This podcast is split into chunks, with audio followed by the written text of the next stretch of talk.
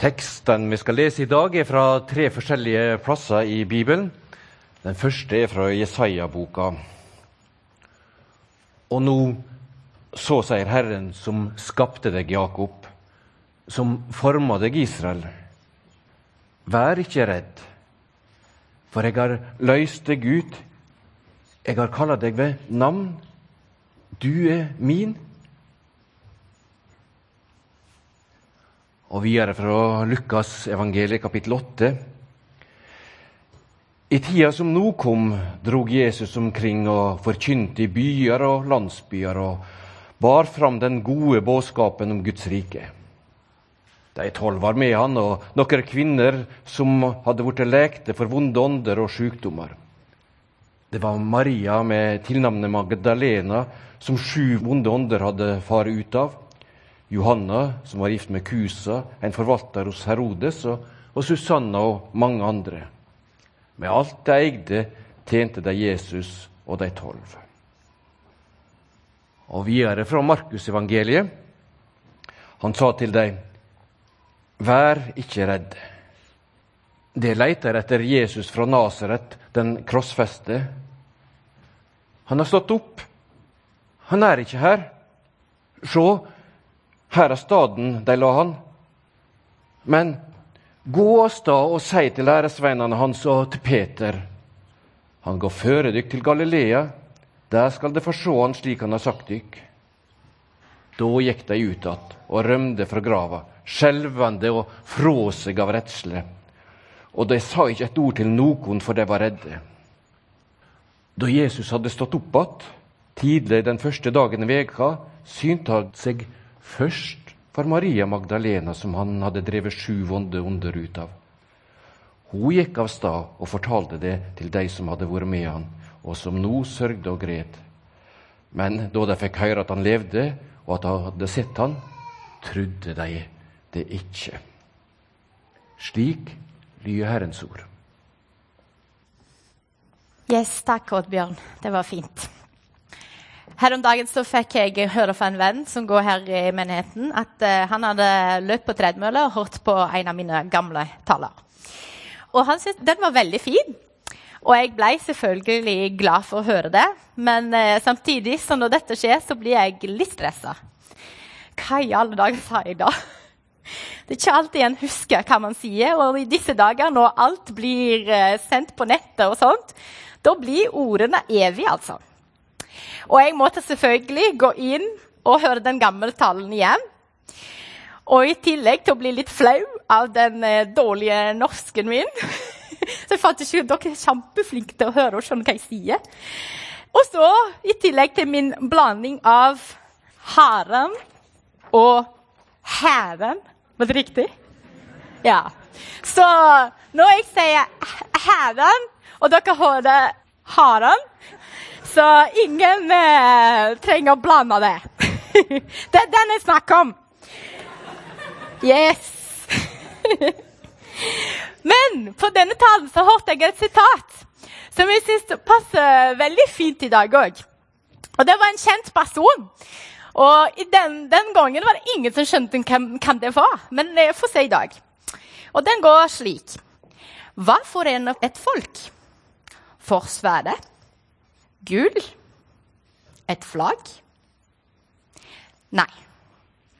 Historier. Fortellinger.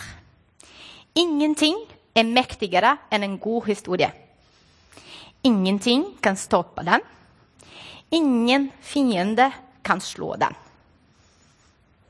Er det noen som vet hvem sagt disse berømte ord? Nei? Det er Tyrion Lannister i Game of Thrones siste episode. Veldig berømte ord. Ifølge direktøren av The Marketplace Institute fra Regent College, Paul Williams, historier eller fortellinger er helt avgjørende for menneskets liv. De hjelper oss å orientere oss sjøl i verden og finne mening. Og hvis vi er i tvil om det, så kan vi huske en veldig kjent lov som jeg lærte når jeg kom til Norge. Man skal ikke plage andre, man skal være grei og snill. Og for øvrig får man gjøre som man vil.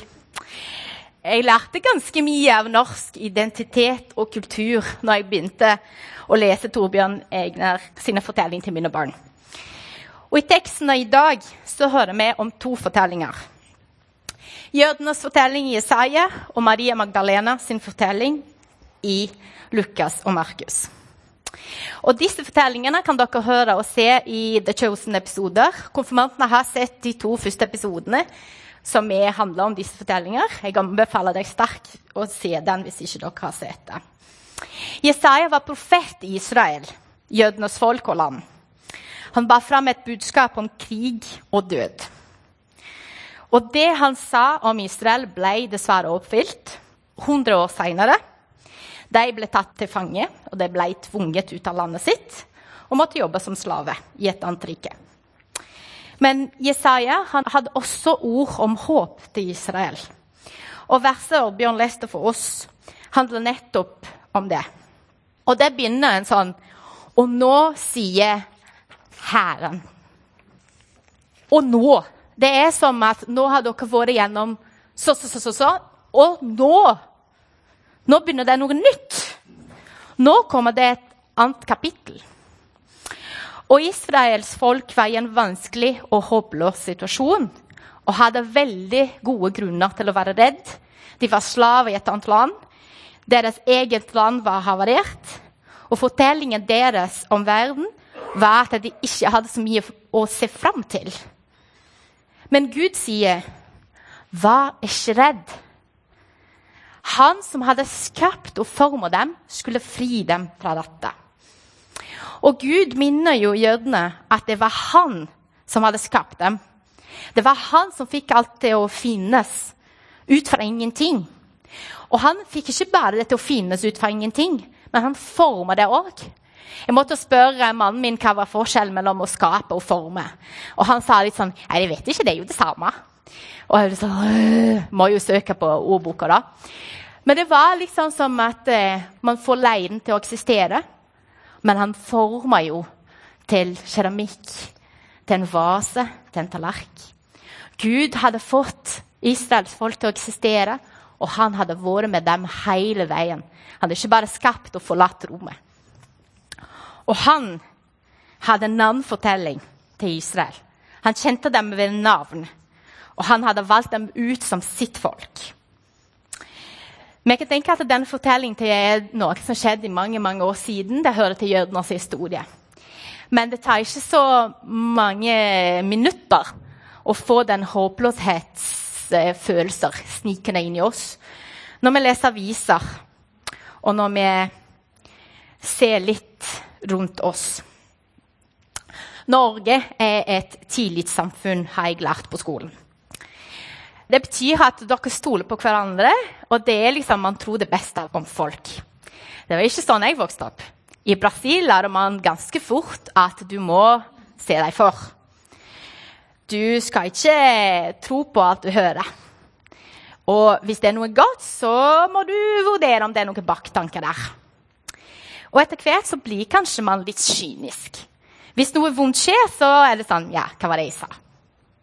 Og hvis noe godt skjer, så venter du. Mm -hmm, la oss se hva som kommer etterpå. Og jeg tenkte at eh, når jeg lærte om dette på skolen om Norge, så tenkte jeg ja, det her er det helt fantastisk. Himmel. Men så tar jeg en tur på kommentarfeltet i aviser og litt forskjellig. Og så sitter jeg på kontoret eller på leir og hører det disse konfirmantene og andre ungdommer går gjennom. Både på sosiale medier og på skolen og andre arenaer. Og da ser jeg at kanskje ting er litt sånn som i Brasil òg. Det er som om den store fortellingen vi lever og vi har rundt oss, sier at alt er her og nå. Det fins ikke noe annet. Det fins ikke noe mer. Du må gjøre alt. Utnytt alt. Få alt nå. Og det kan gjøre at vi ikke evner til å ta et steg til side og se på det store bildet. Sørge over det som er ondt, og beundre det som er vakkert. Mange år etter Jesaja så hører vi fra legen Lukas.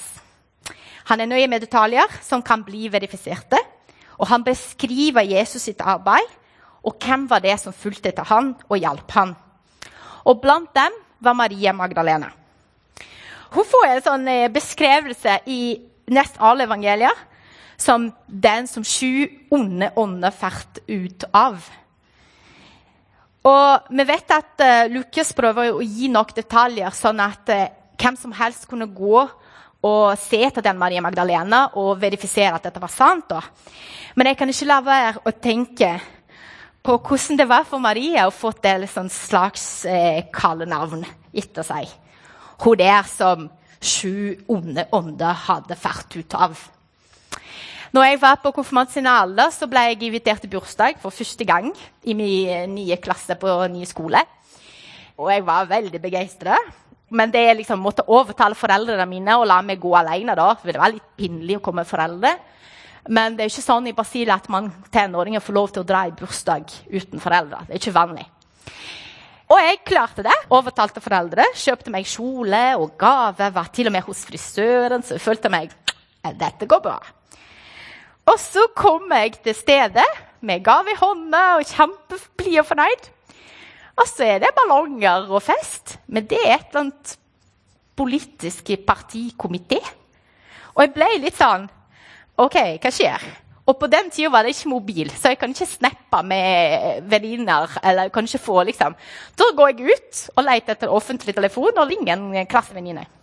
Og jeg var på riktig sted og på riktig tidspunkt. Men jeg var ei uke for tidlig. Og den episoden den fulgte meg på skolen, for å si det sånn. For det hjelper ikke å prøve å holde det skjult. Men jeg tenker da, Maria Magdalena var da hun som var besatt av sju ånder. Og jeg var jo da den som kom ei uke for tidlig på ting. Og jeg tenkte litt sånn Hva andre ting, hva andre sorg, kan jeg sette bak navnet mitt? Lukas han forklarer ikke så mye hvordan dette med onde ånder fungerte, men han prøver å fokusere på det at Maria Magdalena hadde sin integritet ødelagt. Hennes fortelling hadde blitt ett med jødenes håpløs fortelling. Men på samme måte som Gud hadde forandret jødenes fortellingen, så kommer Jesus inn i bildet her og befrir Maria Magdalena fra håpløshet. Hun ble ikke bare frisk, men hun tok med seg alt det hun hadde, den hun var, glede og sorg, og fulgte etter Jesus. Hun som han hadde drevet sju ånder ut av, ble ikke en påminnelse på uverdighet, men om seire. Nå er ikke jeg den lenger. Jesus klarte å oppnå for henne noe hun ikke kunne oppnå sjøl med sine prestasjoner og sin egen styrke. Hun ble utvalgt, spesiell og unikt. Ikke fordi hun kunne prestere godt eller oppnå noe, men fordi Jesus hadde en annen fortelling for hennes liv. En fortelling der hun var kjent, godtatt og elsket av han. Og ikke det vi alle leter etter. Hvis vi lytter på musikk se serier eller film eller lese bøker, har ikke vi alltid en sånn lengsel etter å bli kjent fullt ut. Bli godtatt, betyr noe for andre, bli elsket. Og etter noen år med lytting av disse ungdommene så kan jeg si at eh, jeg får dette mer og mer bekreftet. Jeg får høre ganske ofte jeg strekker ikke til. Jeg er ikke god nok. Ingen som vil være med meg jeg er alene. Maria hun ble vitne til Jesu død og begravelse. Navnet hennes står eksplisitt at hun var der. Hun så alle disse tingene. Og I den siste teksten Oddbjørn leste, så ser vi at hun var den som kom til graven først. Og når hun kommer, så kommer hun med salve. Hun skal salve den døden. Og hun og de andre venninnene diskuterer hvem som skal rulle bort den steinen som står der. Så kommer de der og ser noe veldig uventet. Steinene er vekke. Og Så går de inn, og så hører de engel si Vær ikke redd. Og Teksten den begynner som på, på samme måte som Jesaja. Men engelen sa Nå kommer det noe nytt. Dere har vært på det håpløse nå. Han er død. Dere så at han var død, og han ble begravet. Og så hører hun 'Vær ikke redd'. Akkurat som Israel. Maria hadde nok å være redd for. Hun hadde mistet Jesus, han som har gitt integritet til henne tilbake. Hun risikerte da at de samme autoriteter som hadde drept Jesus, kunne drepe alle disiplene, henne sjøl inkludert. Og hun hadde nok å bli redd for. Men engel han peker på en annen fortelling. Han peker en annen vei. Og Merk nå at Jesus, som Marie, har fått et kallenavn etter seg. Engelen sier dere lett etter Jesus fra Nasaret, den korsfestet. Korsfestelse var straff for kriminelle handlinger. Jesus er nå han, han der som har sonet dom. Som Marie så har han noe å sørge over. Han har kjent på skuffelse, han har kjent på nederlag, ensomhet og død. Men nå skjer det noe som var helt uventet. Jesus han oppnår det som ikke var mulig. Han omskrev dødens endelige krav. Og I fortsettelsen av denne teksten så ser vi at uh, Jesus viser seg for Maria. Hun er nemlig den første å se Jesus levende igjen. Maria hun der som hadde de sju ånder. Hun som ikke strakk til, som ikke passa inn. Hun er valgt ut til å være den første som ser den levende Jesus. Og ikke bare det. Hun er valgt ut til å være budskapet til de andre. Og Dette er så revolusjonerende at jeg måtte lete litt sånn etter gamle skrift. Og jeg fant en gresk filosof som het Celsus. Og Han var kjempehardt mot kristendommen. Han ville, ville, ha det vekk.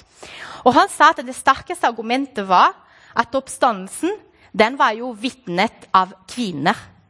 Og han skrev kristendom kan ikke være sant fordi alle vet at kvinner er hysteriske og ikke til å stole på.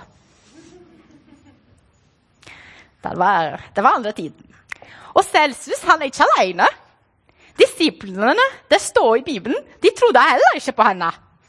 Men Maria Magdalena hun hadde nå sett seg sjøl i lys av Guds store fortelling. Guds ord om Israel ved Jesus død og oppstandelsen. Det ble også til henne. Vær ikke redd. Jeg har løst deg ut. Jeg har kalt deg ved navn. Du er min. Redsel, tvilen fra disiplene, eller fra Celsus, eller hvem det var Alt dette ble mindre i lys av den sannheten om seg sjøl som hun kunne høre hos Gud. Jesu ord definerte Maria nå, ikke hva Celsus og andre disiplene sa. Hvilke sannheter om oss sjøl og verden setter vi vår lytt til? Vi håper at i løpet av konfirmantåret så kan konfirmantene se at deres fortelling er en del av Guds fortelling. At det han har å si, er større enn det alt annet som kaster ord mot dem.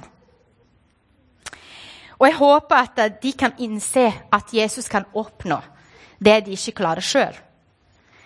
At de kan se at de er spesielle, unike, elsket, godtatt og ivaretatt. Ikke når de presterer godt, men på grunn av Jesus kjærlighet, som har rom til deres sorg og beundring, rom til korset og rom til oppstandelsen. Og jeg håper at som Maria Magdalena vi kan bare være ripper og sår som et signal om seire, om ikke nederlag. At vi kan lytte til de sannhetene Gud har om oss, og la Han definere våre fortellinger. Amen.